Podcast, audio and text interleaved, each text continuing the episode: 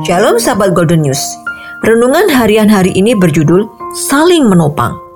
Kita akan merenungkan firman Tuhan dari Keluaran pasal 17 ayat 12. Maka penatlah tangan Musa, sebab itu mereka mengambil sebuah batu, diletakkanlah di bawahnya, supaya ia duduk di atasnya. Harun dan Hur menopang kedua belah tangannya. Seorang di sisi yang satu, seorang di sisi yang lain sehingga tangannya tidak bergerak sampai matahari terbenam.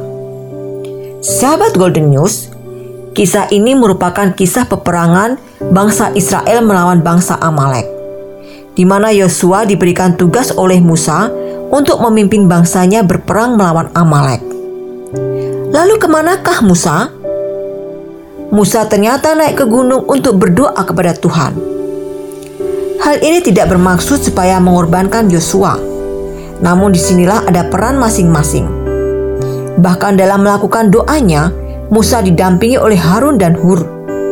Mereka bertiga bertugas memohon kepada Allah, dan Yosua maju berperang.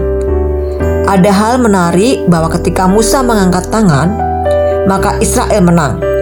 Namun jika Musa menurunkan tangan, maka Israel kalah.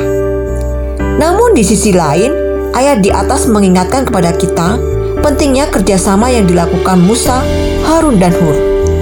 Harun dan Hur menopang tangan Musa saat mengalami kelelahan. Ini menjadi gambaran dan contoh yang luar biasa. Ketika para pemimpin bergandeng tangan, maka kemenangan terjadi. Ketika ada kesatuan, maka Tuhan memberikan berkat kemenangan. Berikan pertolongan untuk saling menopang.